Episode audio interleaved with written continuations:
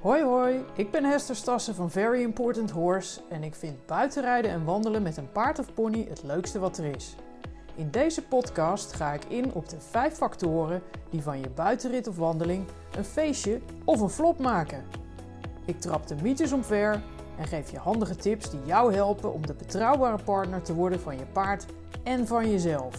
Kortom, alles wat je nodig hebt zodat ook jij en je paard samen kunnen genieten van de natuur en van elkaar.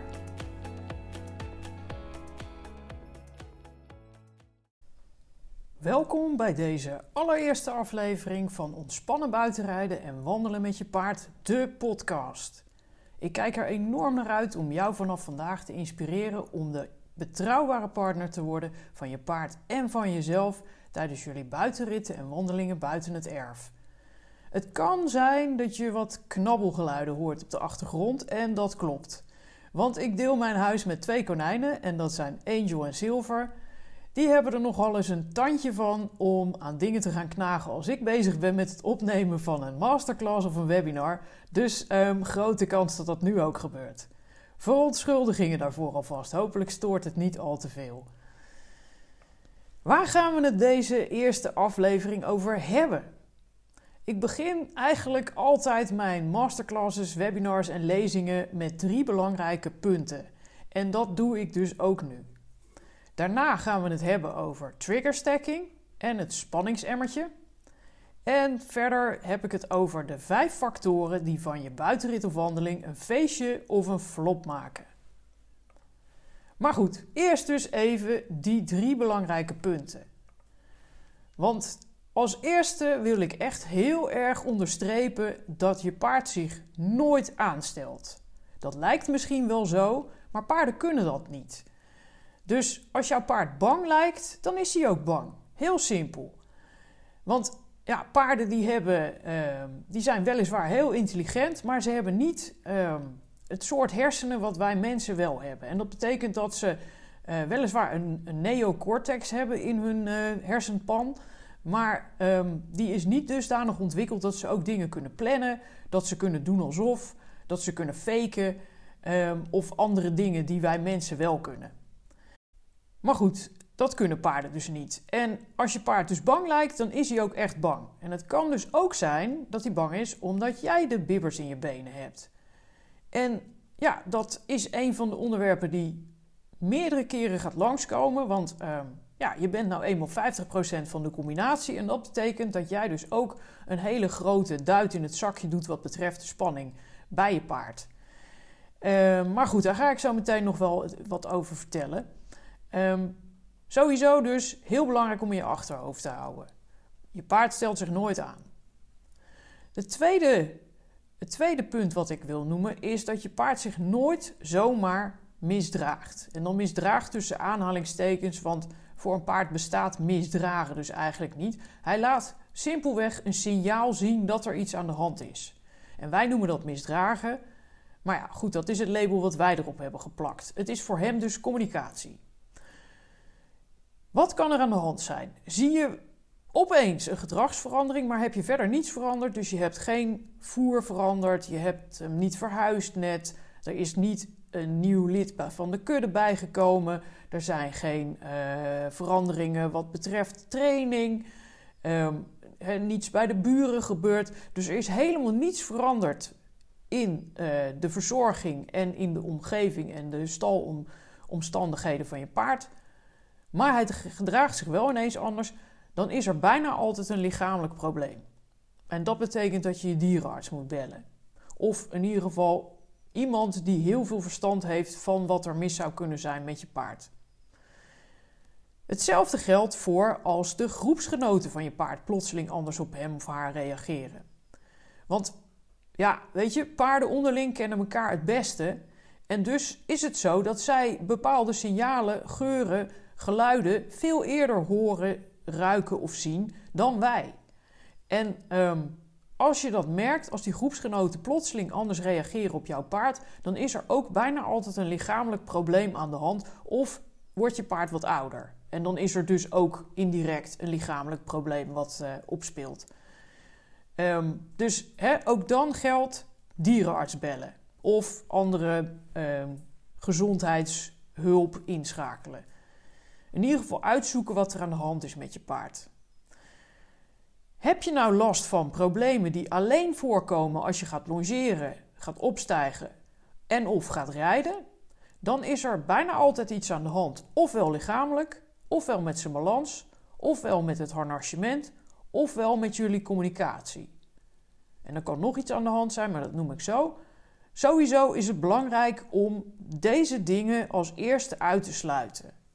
Dus je wil die lichamelijke problemen wil je uitsluiten. Je wil zadel, uh, hoofdstel, bitproblemen wil je uitsluiten. Scheefheid wil je aanpakken. En als dat allemaal uitgesloten is, dan kan er een gedrag, een gedragsprobleem zijn. En dan zou ik dus inderdaad ook een expert op dat gebied gaan inschakelen. Maar het is bijna altijd dat er iets anders aan de hand is. Hè? Ik bedoel, als jij gaat opstijgen en je paard gaat al wandelen, dan bestaat er een grote kans dat, tenzij hij dat niet goed geleerd heeft, dat is dan natuurlijk een ander punt, maar als hij dat wel goed geleerd heeft en hij gaat ineens al bewegen voordat jij opgestegen bent, dan kan het zo zijn dat er iets aan de hand is, bijvoorbeeld in zijn rug, waardoor hij pijn heeft. En hij weet al wat er gaat komen als jij gaat opstijgen. dus al op het moment dat je bij het opstapblok gaat staan, weet hij van jij gaat zo meteen op mijn rug zitten en ik weet dat dat pijn gaat doen en dus ga ik alvast bewegen zodat ik dat pijnmoment kan uitstellen. Kan ook aan het zadel liggen, kan dus ook aan zijn balans liggen, kan ook aan jullie communicatie liggen. Maar zorg ervoor dat je dat soort dingen eerst uitsluit. En dan pas ga je kijken naar waarom gedraagt mijn paard zich nu ineens anders. En dan heb je de derde factor die ik altijd even wil noemen. En dat is alle dingen die je paard niet van nature doet, moet je trainen. En dat moet je echt doen. Want een paard doet van nature uh, geen dingen als trailer laden en dus ook niet als buitenrijden. Buitenrijden is wat mij betreft universiteitsniveau. En dat betekent dat je paard echt al een heleboel geleerd moet hebben voordat jullie veilig en ontspannen naar buiten kunnen. Geldt ook voor wandelen dus. Hè? Um, weliswaar heb je daar dan niet het rijden natuurlijk bij nodig. Dus um, dat is dan het enige verschil. Dus je hoeft niet een hoog niveau wat betreft het rijden te hebben. Maar je moet wel al een heleboel dingen geleerd hebben aan je paard. En daar ga ik zo meteen natuurlijk wat meer over vertellen. Sowieso is het echt belangrijk dat jullie allebei een goede basis hebben. ik ken ook mensen die bijvoorbeeld net zijn gaan uh, paardrijden en die dan al het idee hebben: oh ja, ik ga een buitenrit maken. Ja, lijkt me niet zo'n goed idee. Um, waarom niet? Nou ja, ook al heb jij een stapritje in je hoofd, hè, we gaan lekker alleen maar buiten uitstappen. Stel nou dat je ineens iets geks tegenkomt. Ik noem maar wat, er komt een hond heel erg hard naar het hek toe gerend. Of uh, er zit een hertje in de, in de struiken. En, die, uh, en je paard heeft dat natuurlijk al lang door. Lang voordat jij het in de gaten hebt. Hij verschiet. Hij gaat op hol. En als jij dan nog niet uh, de galop in je lijf hebt zitten qua beweging en ontspanning ja, dan kan het heel goed zijn dat je in een vicieuze spanningscirkel komt en het helemaal misgaat. Nou, dat is niet bepaald wat je wil als eerste ervaring als je naar buiten gaat. Dus vandaar dat ik echt het heel belangrijk vind om zowel voor het paard als voor de mens een hele goede basis te hebben voordat je gaat wandelen, voordat je gaat buitenrijden. Want ik hoor regelmatig mensen zeggen: ah ja, het is maar een boswandelingetje. Of we gaan gewoon eventjes buiten uitstappen. En ja, tuurlijk, dat voelt voor ons ook zo. Uh, voor ons is dat heel simpel. Is het lekker ontspannen? Hè? We gaan ontspannen in de natuur. Uh, we gaan ontspannen een wandelingetje maken in de buurt. Maar voor paarden kan dat best wel heftig zijn. Tuurlijk, er zijn ook paarden die geboren lijken te zijn voor tripjes buiten het erf. Maar buitenrijden en wandelen is voor heel veel paarden alles behalve een walk in the park, zoals ze dat in Engeland zo mooi zeggen. We vragen namelijk best wel wat van onze paarden als, als we zeg maar het erf afgaan. En dat gaat vaak tegen hun natuur in. Bijvoorbeeld, ze moeten weg van maatjes. Hè? Zeker als je alleen op buitenrit of op wandeling gaat, dan moeten ze dus zonder andere paarden van hun erf vandaan. Nou, dat kan best wel een ding zijn. Daarbij ga je naar een minder bekende context. Je gaat buiten het erf, terwijl ze meestal de meeste ervaring hebben binnen het erf, op de weides, in de bak, uh, poetsplaatstallen, afhankelijk van natuurlijk hoe het er bij jou uitziet. Maar in ieder geval, dat stukje is wat ze het beste kennen en wat ze dus hun comfortzone vinden. En ga je daar buiten, ja, dan geeft dat spanning. Hè? Dat ken je van jezelf ook. Als je in onbekende, uh, een onbekende stad bent, ja, dan voel je je ook niet helemaal lekker. Dus ja, dat, dat, dat geeft spanning. Verder is het zo dat we heel vaak in een voor een paard onnatuurlijke omgeving gaan rijden of wandelen. Um, een bos is bijvoorbeeld een plek waar paarden vaak moeite mee hebben omdat ze het niet kunnen overzien. Paarden zijn natuurlijk dieren die op de steppen veel hebben uh, geleefd hè, in het wild. Uh, daar zijn ze zeg maar uh, vanuit de oudheid opgegroeid. Daar zijn ze al, al duizenden jaren aanwezig. Dus voor hun is het veel fijner als ze een overzicht hebben en dat ze hun uh, vijanden, dus de roofdieren bijvoorbeeld, kunnen zien aankomen. In plaats van dat ze in een bos lopen waar ze dat overzicht niet hebben. Dus dat geeft ook vaak al spanning. Nou zijn er ook paarden die zeg maar het omgekeerde hebben, dus die zich veiliger lijken te voelen in een bos dan op een vlakte. Maar goed, uh, volgens mij zijn dat toch wel de uitzonderingen, want die hoor ik veel minder vaak uh, dan uh, paarden die het uh, moeilijker vinden, juist in een bos of tussen huizen. Of als ze zeg maar in de straat lopen of, of, of, gereden worden waar een heleboel struiken staan, zodat ze niet kunnen zien wat daarachter zit. Um, dus ja, dat geeft spanning. Verder kan je natuurlijk een heleboel gekke dingen onderweg tegenkomen. Um, spannende dingen, dus bijvoorbeeld grote voertuigen. je kunt gekke dieren tegenkomen die ze niet gewend zijn. Alpaca's worden steeds vaker gehouden. Hertjes, maar ook varkens en koeien, schapen zijn dieren die uh, niet elk paard kent en ook niet elk paard op prijs stelt. Maar daar ga ik zo meteen even wat meer nog over vertellen. En verder kan je rare situaties tegenkomen. Ik noem maar wat. Je moet een smalle doorgang door, of een, een brug over, een viaduct onderdoor, een spoorwegovergang oversteken. Nou, dat zijn allemaal dingen die zijn natuurlijk niet bij jou op het erf normaal gesproken. Dus dat kent je paard niet en daar kan die dus op reageren. En verder heb je nog te maken met jouw invloed. Want ja, hoe jij in je vel zit, je paard kijkt continu naar jou en daar ga ik straks nog meer over vertellen. Um, en dus is jouw spanning hartstikke belangrijk. Als hij merkt dat jij gespannen bent, dan zal hij zichzelf ook niet meer helemaal ontspannen voelen. En dus zorgt dat ervoor dat je eigenlijk al 1-0 achter staat zodra je het erf afgaat. Nou, dat wil je niet. En dat brengt me ook gelijk op het volgende onderwerp, namelijk het spanningsemmertje. Ik noem uh, zeg maar de hoeveelheid spanning die je aan kan, de inhoud van je spanningsemmertje. En zowel je paard als jij hebben een spanningsemmertje. En als dat spanningsemmertje vol is, dan loopt het over en dan krijg je dus last van een ontploffing. Dus wat wil je het liefst? Nou, een zo leeg mogelijk spanningsemmertje voordat je het erf afgaat. Want als dat zo leeg mogelijk is, dan betekent dat dat je er dus een heleboel ruimte in over hebt. En dat betekent dus dat je een veel grotere mentale weerbaarheid hebt. Dus dat geldt zowel voor jou als voor je paard. Je kan dus meer gekke dingen aan. Nou hoor ik heel vaak mensen zeggen van ja, mijn paard ontplofte plotseling. Ik was aan het buitenrijden en uh, we waren al een heel eind van huis weg. En uh, we waren een, uh, een, een konijn uh, hebben we gezien. En er was een hond die blafte. En toen kwam er nog een trekker langs. En vervolgens was er een vuilcontainer die hij best wel een klein beetje spannend vond. Maar hij ging er wel langs. En toen kwam er ineens een vogeltje langs vliegen. En hij ontplofte. Nou, dit is een klassiek voorbeeld van wat trigger stacking heet. Ofwel prikkelstapeling. En dat is in feite uh, allerlei druppels die het spanningsemmertje van je paard hebben doen overlopen. Want normaal gesproken zijn dat dus dingen waar je paard niet echt op reageert of die, die vrij snel weer kwijtraakt qua spanning. Maar als ze dan op elkaar gestapeld worden of te snel achter elkaar, uh, zeg maar op elkaar volgen, ja, dan kan het in één keer te veel zijn en dan heb je dus een ontploffing. Vaak hebben paarden dan al heel wat meer signalen laten zien. Alleen, ja, misschien dat wij die niet kennen, misschien dat wij ze niet op hebben gemerkt, of misschien dat we tegen onszelf in zijn gaan praten van, ah ja, het valt wel mee. Ach, het was maar een vogeltje, het was maar een trekker en dat kan die normaal gesproken ook. Maar vergeet niet dat je van het erf weg bent gegaan en als dat al spanning heeft gegeven, ja, dan kan dat ervoor zorgen dat het emmertje toch overloopt.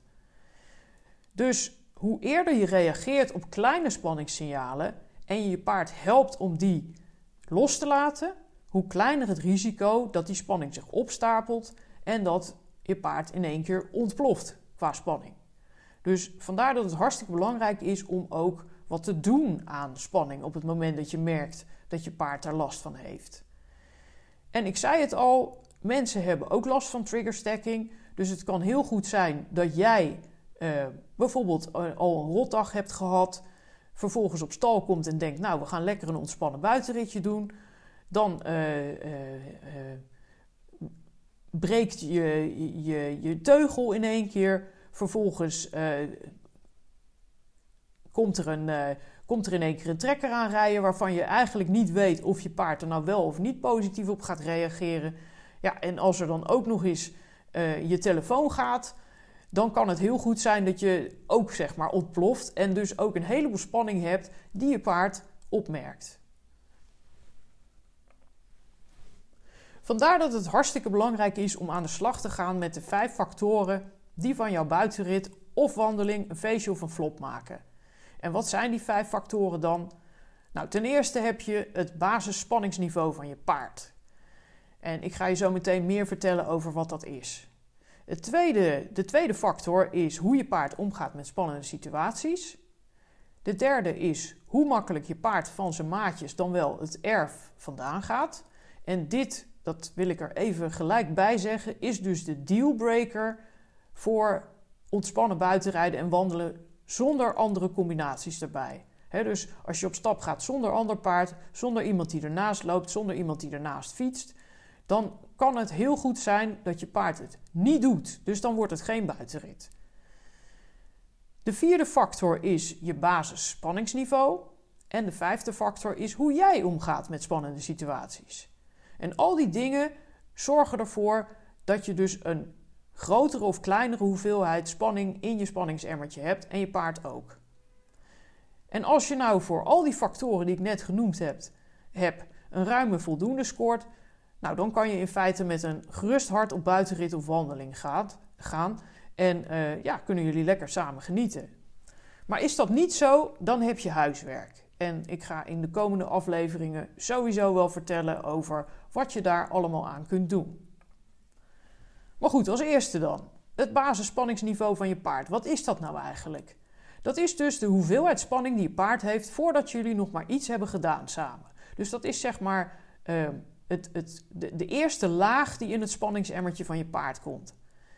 Ja, waar wordt die dan door bepaald? Sowieso door zijn karakter en door erfelijke factoren. Want um, ja, we, we fokken natuurlijk die paarden steeds gevoeliger.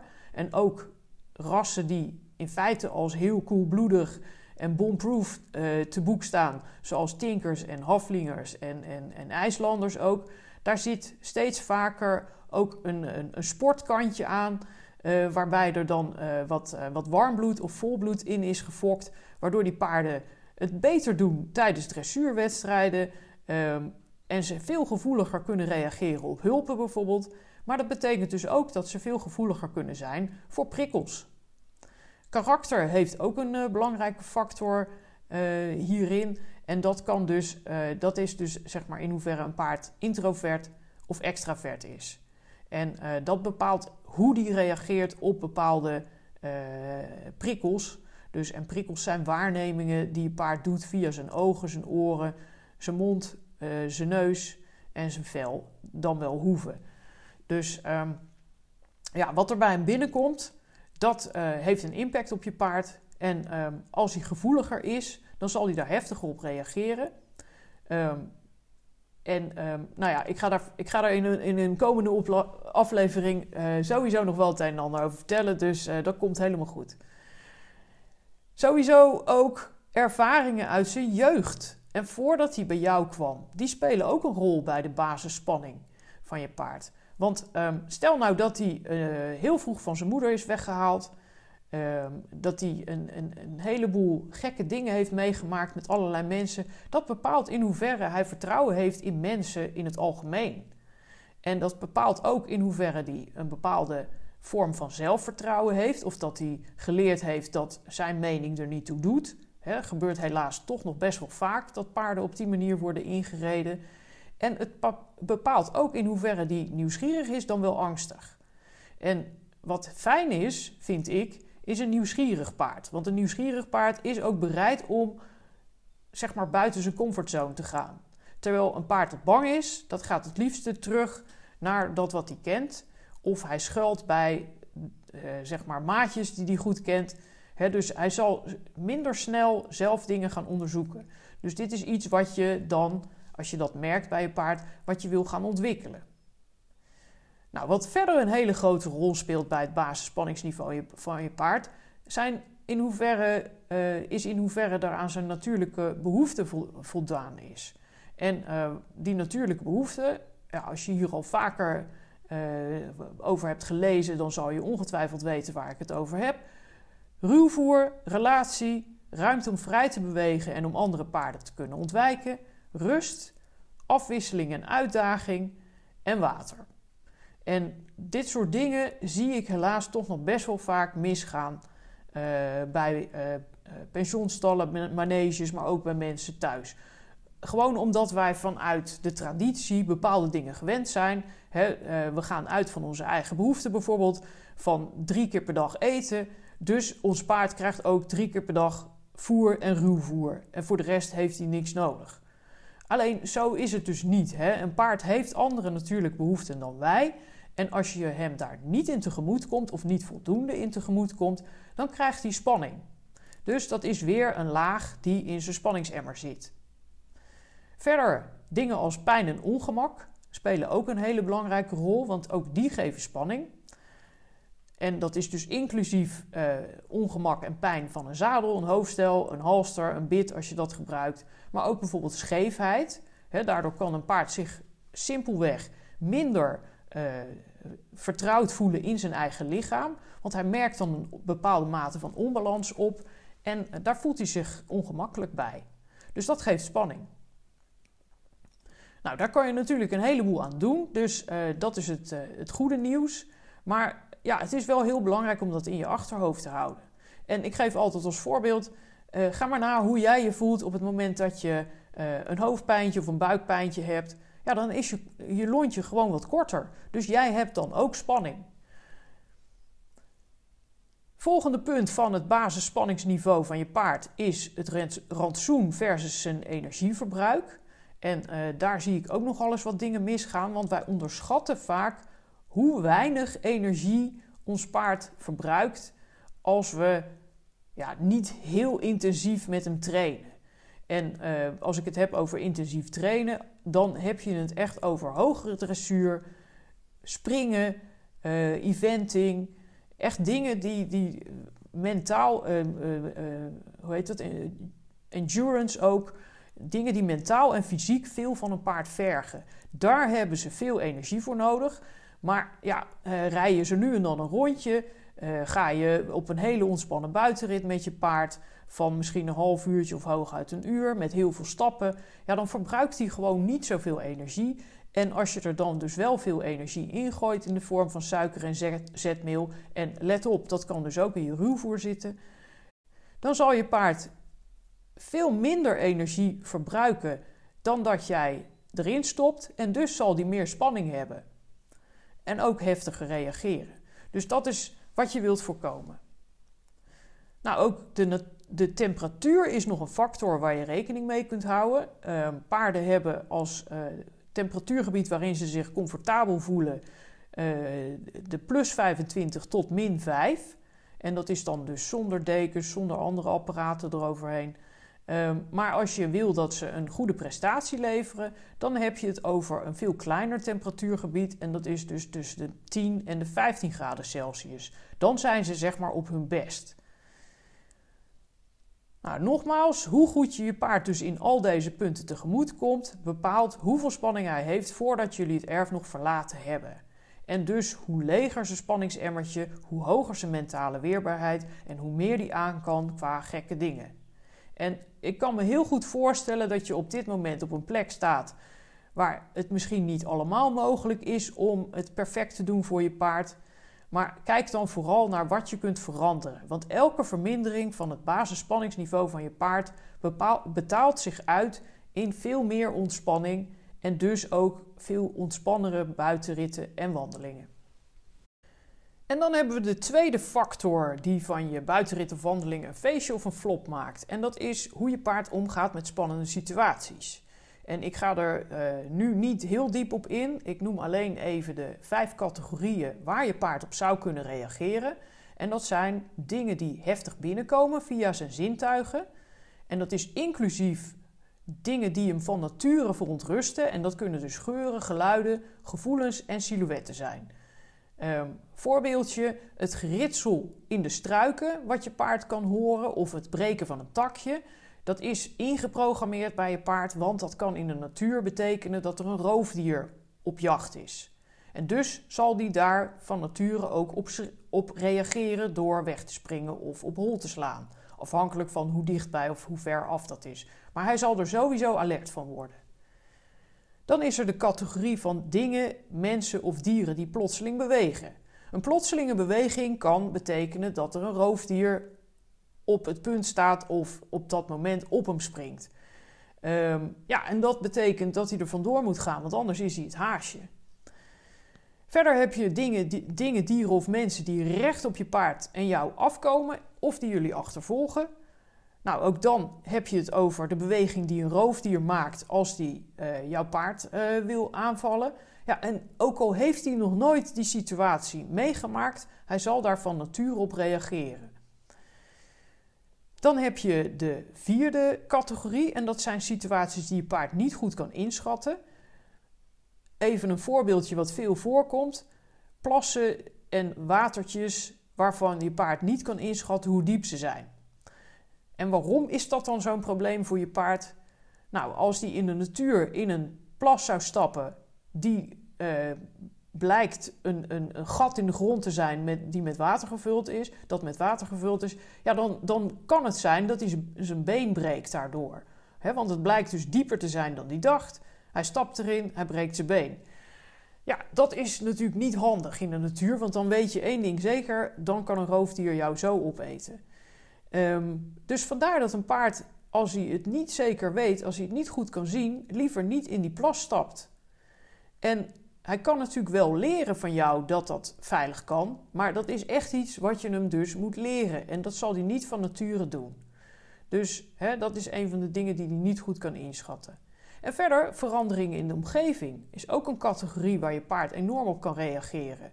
En ook dat heeft te maken met hoe die van nature geprogrammeerd is. Want um, in de natuur kan het zijn dat zo'n verandering in de omgeving betekent dat er een roofdier in de buurt is komen wonen dat hem dus kan bedreigen. Maar het kan ook betekenen, bijvoorbeeld als er een omgevallen boom ligt, die uh, de keer dat jullie daarvoor daar zijn geweest nog rechtop stond, dat er dus uh, meer gevaar is in die buurt, dat er dus meer bomen kunnen omvallen. Nou, en dan moet je maar niet onderlopen natuurlijk op het moment dat dat gebeurt, want anders ben je ook dood. Dus paarden zijn echt volledig geprogrammeerd om te reageren op dingen die een bedreiging voor ze kunnen zijn. En let op, het zijn vijf categorieën. Maar het zijn ook heel vaak combinaties. En ehm, om een voorbeeld te noemen van een combinatie, dat zijn vuilcontainers. Vuilcontainers die staan er de ene dag wel en de andere dag niet. Dus dat is heel onvoorspelbaar voor je paard. Daarbij hebben ze een vorm die je paard niet kan plaatsen. Eh, ja, het zijn gewoon grijze, blauwe of, of, of groene uh, grote dingen. En ze kunnen zeker in de zomer ook nog eens heel vervelend ruiken. Want als iemand vleesresten in zo'n uh, vuilnisbak heeft gegooid, dan uh, zullen die gaan ruiken naar, uh, naar ontbinding. En dat is een geur die voor je paard echt een alarmbel doet afgaan. Dus ja, daar zal die op reageren. Kan het ook nog zo zijn dat hij vanuit trauma of negatieve ervaringen uh, een bepaalde connectie heeft gemaakt met, uh, met een van die voorwerpen. Bijvoorbeeld dat er net een heel uh, hard geluid was op het moment dat hij een vuilcontainer passeerde. Ja, dan kan het zijn dat hij een associatie daarmee heeft opgebouwd. Dat hij sowieso moet oppassen als hij zo'n ding ziet. En dat, dat kan met heel veel meer dingen gebeuren. Hè? Dus het is echt belangrijk om uit te zoeken wat het dan is waar je paard op reageert en daar wat mee te doen. En verder is het uiteraard heel belangrijk om hierop te gaan trainen. Dus als jij weet dat je paard bijvoorbeeld heel erg reageert op dingen of dieren of mensen die plotseling bewegen, ga dan aan de slag met schriktraining. Ga dan aan de slag met het trainen daarop, zodat je paard daar beter mee om kan gaan. En daarbij is het grote voordeel van schriktraining ook dat je leert wat je aan elkaar hebt. En dus komt er dan ook een heleboel vertrouwen bij kijken. En dat ontwikkelt zich naarmate je het vaker doet. De derde factor die van je buitenrit of wandeling een feestje of een flop kan maken, is hoe je paard reageert op het verlaten van het erf en van zijn maatjes. Paarden zijn natuurlijk kuddedieren en vluchtdieren en dat betekent dat ze zich in een groep veel veiliger voelen. Dan zijn er meer ogen, oren en neuzen die de omgeving in de gaten kunnen houden en dus voelen ze zich gewoon fijner als ze weten dat er ook andere paarden in de buurt zijn. Nou geldt dat niet voor alle paarden. Je ziet soms paarden waar je dan uh, een, een, bepaald paard uit de groep weghaalt. En ook al staan er nog tien om ze heen, lopen ze toch heel hard te hinniken en heen en weer te rennen. Nou, dat is dan een geval van overmatige gehechtheid. En dat is iets wat heel vaak ontstaat vanuit trauma. Bijvoorbeeld dat ze een enorme klik hadden met een bepaald paard of met hun moeder. Uh, en daar heel snel van gescheiden zijn Ehm, en dat absoluut niet begrepen hebben en daar ja, echt last van hebben gehad toen dat gebeurd is. En als ze dan uh, op een gegeven moment weer een band hebben opgebouwd met een ander paard, dan uh, kunnen ze zich echt heel vervelend voelen als dat andere paard uit hun buurt gaat. Dus ook dat kan een probleem zijn als jij alleen op buitenrit of wandeling wil. En ook het erf verlaten is dus een, een, iets wat een probleem kan zijn. ik zei het net al, de comfortzone die ze dan verlaten. En ja, als ze het buiten nog niet zo goed kennen, dan is het heel logisch dat ze daar een probleem mee hebben. In de natuur zal een paard ook niet in één keer een uur vanuit uh, de comfortzone gaan. Nee, dat ontdekken ze zeg maar stukje bij beetje. En uh, ze maken meestal ook cirkeltjes vanaf het punt wat ze wel kennen om de rest van de omgeving te verkennen.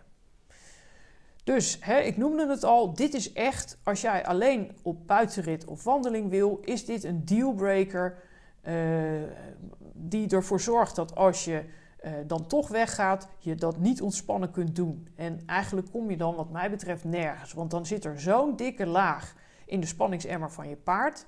Uh, dan voelt hij zich zo verschrikkelijk niet op zijn gemak dat, uh, ja, dat het gewoon te veel wordt voor hem en die nog veel eerder zal ontploffen. Belangrijk dus om vertrouwen op te bouwen met je paard buiten het erf, van zijn maatjes vandaan. En dat doe je door zijn signalen serieus te nemen. Maar ook dit is een van de onderwerpen waar ik natuurlijk in een van de komende afleveringen dieper op in zal gaan. En dan de vierde factor die van je buitenrit of wandeling een feestje of een flop kan maken. Dat is jouw basisspanningsniveau. Ik noemde het al, jij bent 50% van de combinatie. Of je nou gaat rijden of gaat wandelen, jij bent een van die twee die op pad zijn. En dus is het belangrijk om eens te kijken van hoeveel spanning heb je eigenlijk al voordat je bij je paard bent. Want dat is jouw basisspanningsniveau dus. En tegenwoordig hebben we een heleboel appjes, mailtjes, social media die op onze telefoon binnenkomen. Ja, dat zorgt voor spanning. Hè? Want zeker als je ofwel op iets zit te wachten, ofwel je af gaat vragen van hé, hey, wie zal dat zijn? Of misschien ook al eventjes gekeken hebt van wat is er aan de hand en misschien net een vervelend appje of mailtje is of een rotopmerking op je social media, ja, dan geeft dat spanning.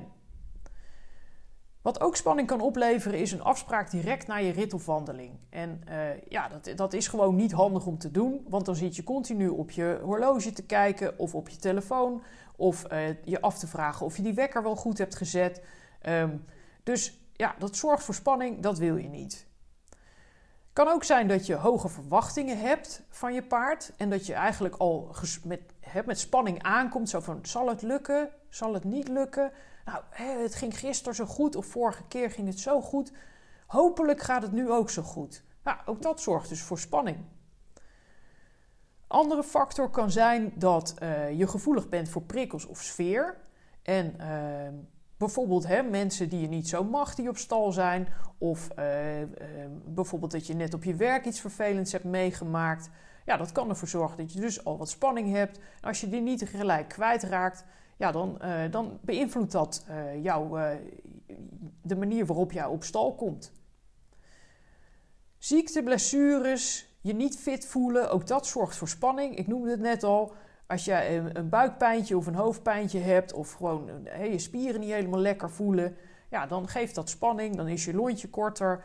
Um, dan zal je ook heftiger reageren als je paard net niet doet wat je wil. En ja, dat, dat geeft gewoon een verkeerde start. Dus ook dat wil je voorkomen. Verder kan je natuurlijk een situatie thuis of op je werk hebben waar je niet helemaal blij mee bent. En uh, ja, weet je, ook dat geeft dus spanning. Als je dat niet van je af kan zetten, hè, er zijn een heleboel mensen die kunnen op het moment dat ze op stal komen het compleet van zich afzetten. Nou, dat is super. Maar niet iedereen kan dat. En dus is het heel belangrijk om dat te leren. Verder kan het zo zijn dat je een heftige ervaring hebt gehad met dit of je vorige paard of met een ander paard uh, in het verleden en dat je daardoor al van tevoren je ongerust maakt. Uh, ik ken mensen die al dagen van tevoren buikpijn hebben als ze weten dat ze gaan buitenrijden of gaan wandelen. Ja, dat is, dat is jammer en dan is er echt werk aan de winkel. En verder zijn er nog mensen die een hele rijke fantasie hebben, dus die misschien zelf niks hebben meegemaakt uh, wat heftig is, maar die ondertussen al zoveel verhalen van anderen hebben gehoord, of op uh, YouTube hebben gezien, of uh, op, een, op, op de social media hebben gezien, dat ze een heleboel beren kunnen bedenken die ze op hun weg kunnen tegenkomen. Nou, dat is natuurlijk niet handig. Want ja, als je die spanning dus al hebt, dan zit je uh, spanningsemmertje al aardig vol voordat je het erf afgaat, voordat je je paard überhaupt maar gezien hebt. En je paard kijkt dus van nature continu naar je houding, je spierspanning en je ademhaling. En ook je gezichtsuitdrukking trouwens. Dus uh, vandaar dat het belangrijk is om uh, zo neutraal dan wel blij mogelijk bij je paard te komen. En let op, dit kan je dus niet faken. Want je paard ziet dat. Je paard ziet het als je lichaamshouding uh, niet klopt met dat wat jij zeg maar als intentie hebt. He, dus als jij denkt van oké, ik ga hem wel eventjes, we gaan wel eventjes stoer buiten rijden, dat kan ik, dat moet gewoon, dat moet lukken. Terwijl je van binnen eigenlijk zit te bibberen, dan ziet je paard dat en dan voelt hij ook die spanning van hé, hey, er klopt iets niet bij jou. Maar goed, ook dit is een van de dingen waar ik nog op inga in een van de komende afleveringen. Wat je sowieso dus wil doen, is dat jij de spanningssignalen die je paard laat zien serieus neemt door erop te reageren. Uh, en dat is op twee manieren belangrijk, want ten eerste kan je gaan afvragen van hey, heb ik spanning op dit moment? Vind ik deze situatie spannend of heb ik spanning meegenomen van uh, dat wat ik hiervoor heb gedaan of sowieso al een hele hoge basisspanning? Um, en ten tweede is het belangrijk om te kijken van, hé, hey, waar reageert mijn paard op? Dus als je hebt gecheckt bij jezelf hoe die spanning zit, waar reageert hij dan op? En als, hij, als je dan weet waar hij op reageert, dat je daar wat aan doet. Nou, ook daar ga ik het nog over hebben. Um, maar goed, dan, dan, weet je in ieder geval welke kant ik uitdenk. Um, en als we dan even doordenken over die eigen spanning. Ja, wat je dus wilt in een spannende situatie, is dat jij uh, die spanning actief loslaat. En daarvoor gebruik ik altijd de spanningschecklist. Die kan je overigens gratis downloaden via mijn website veryimportanthorse.com. Ehm, en dan moet je bij gratis kijken. Want hoe beter jij wordt in het opsporen en loslaten van je spanning, hoe beter je je paard kan helpen om te ontspannen en hoe lager dus het uh, niveau wordt in jullie beider spanningsemmertje en dus hoe meer jullie aankunnen. Nou, en dat is precies wat je wil. Dus dit was eventjes een hele snelle introductie in het ontspannen buitenrijden en wandelen met je paard. Ik wil je sowieso bedanken voor het luisteren. En in de komende afleveringen ga ik natuurlijk veel dieper in op al die onderwerpen waar ik nu in vogelvlucht overheen gegaan ben. Wil je daar nou niet op wachten, omdat je nu al met je paard ontspannen wilt genieten van de natuur? Nou, dan nodig ik je van harte uit om aanstaande dinsdag 11 april mee te doen aan de online masterclass Ontspannen buitenrijden en wandelen met je paard. We beginnen dan om 7 uur En vervolgens overlaat ik je ruim 2,5 uur lang met handige weetjes en tips, zodat ook jij binnenkort een feestje kunt maken van je buitenritten en wandelingen met je paard. Er is ruimte voor maximaal 25 deelnemers en een heleboel plekken zijn al bezet.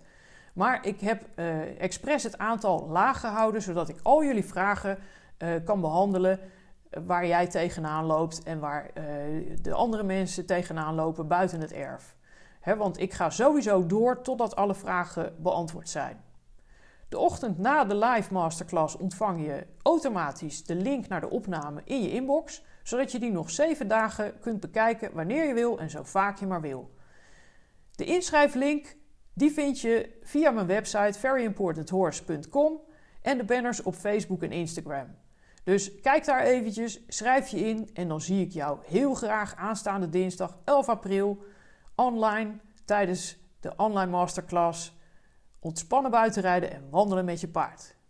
En anders zie ik je de volgende keer. En waar gaan we het dan over hebben? Over betrouwbaar partnerschap met je paard, hoe je dat krijgt. Heel belangrijk, echt een van de sleuteldingen die je wilt uh, uh, ontwikkelen met je paard en met jezelf. Verder gaan we het hebben over de signalen die je paard kan geven om te vertellen dat hij het spannend vindt en hoe jij daarop kunt reageren. En het belang van under threshold blijven. Dus onder uh, de grens blijven van dat je paard uh, het niet meer aan kan. Je wilt dus voorkomen dat je paard in het rood raakt. Want als hij in het rood zit, dan leert hij niks meer. Behalve dat het hartstikke spannend is en dat hij daar zo snel mogelijk vandaan wil. Oké, hartstikke bedankt voor het luisteren nogmaals en tot de volgende keer. Hoi hoi! Dankjewel voor het luisteren naar deze aflevering van Ontspannen buitenrijden en wandelen met je paard, de podcast. Wil je meer weten over wat ik voor jou en je paard kan betekenen? Kijk dan op mijn website veryimportanthorse.com of volg me via Facebook, Instagram of LinkedIn. Ben je geïnspireerd geraakt door deze podcast en wil je automatisch een seintje krijgen wanneer de volgende aflevering verschijnt? Abonneer je dan door in je podcast-app op volgen te klikken. En natuurlijk word ik heel blij als je me 5 sterren geeft in diezelfde app of daar een enthousiast review schrijft. Maar ik word net zo blij als je de aflevering deelt via je social media natuurlijk. Denk je dat een van je paardenvriendinnen of vrienden net zo geïnspireerd zou kunnen raken van deze aflevering als jij? Stuur haar of hem dan graag even de link door.